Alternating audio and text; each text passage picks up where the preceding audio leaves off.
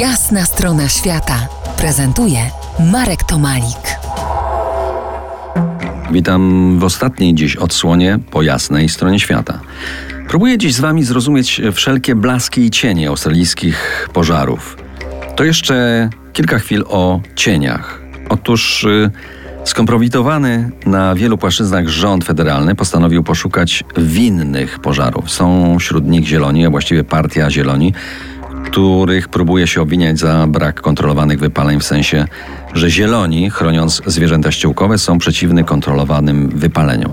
To oczywiście bzdura, bo ich siła polityczna jest żadna. Mają jednego człowieka w parlamencie. Szerzy się także wizję, że duża część podpaleń to ludzie. Wiarygodne staty statystyki mówią o jednym procencie takich y, zdarzeń, czyli to też jest bzdura.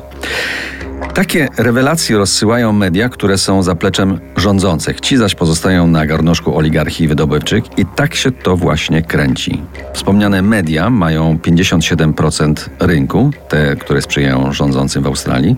To też przeciętny Australijczyk, a także i opinia światowa pozostaje w cieniu tej wojny medialnej.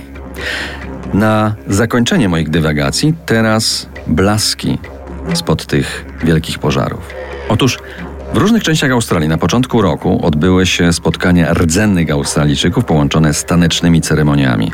Do Monguaga, blisko granicy Wiktorii i Nowej Południowej Walii, blisko miejsc, gdzie szalały do niedawna największe pożary, przybyli tancerze z różnych stron, także z odległych krain. Ceremonia w takiej skali nie miała precedensu w ostatnich 150 latach. Aha, te ceremonie taneczne oczywiście mają niewiele wspólnego z naszymi prywatkami, czy wiejskimi, czy miejskimi potańcówkami. Taniec jest formą kontaktu z ziemią, z przodkami totemicznymi. Służy nawiązaniu z nimi relacji i wyproszeniu u nich opieki. Składane prośby w czasie tych ceremonii służą leczeniu Matki Ziemi i ludzi na niej. Co ciekawe, po tej ceremonii w południowej Australii nastąpiło częściowe ochłodzenie, a nawet nawet do kilkunastu stopni. Na niebie pojawiły się chmury, a w niektórych miejscach długo oczekiwany deszcz. Mapę pogody sprawdzałem osobiście z dużą atencją. Sceptyków i tak nie przekonam, ale chyba coś w tym jest. Najbardziej tej tragedii poszkodowane jest oczywiście środowisko naturalne z miliardami istnień, tych co łażą, skaczą, ale i fruwają, zwłaszcza owadów, które są siłą napędową dla wegetacji roślin. W kraju nad Wisłą trwają zbiórki pieniędzy. Wzruszającym momentem było rozwinięcie australijskiej flagi na finale Wielkiej Orkiestry Świątecznej Pomocy.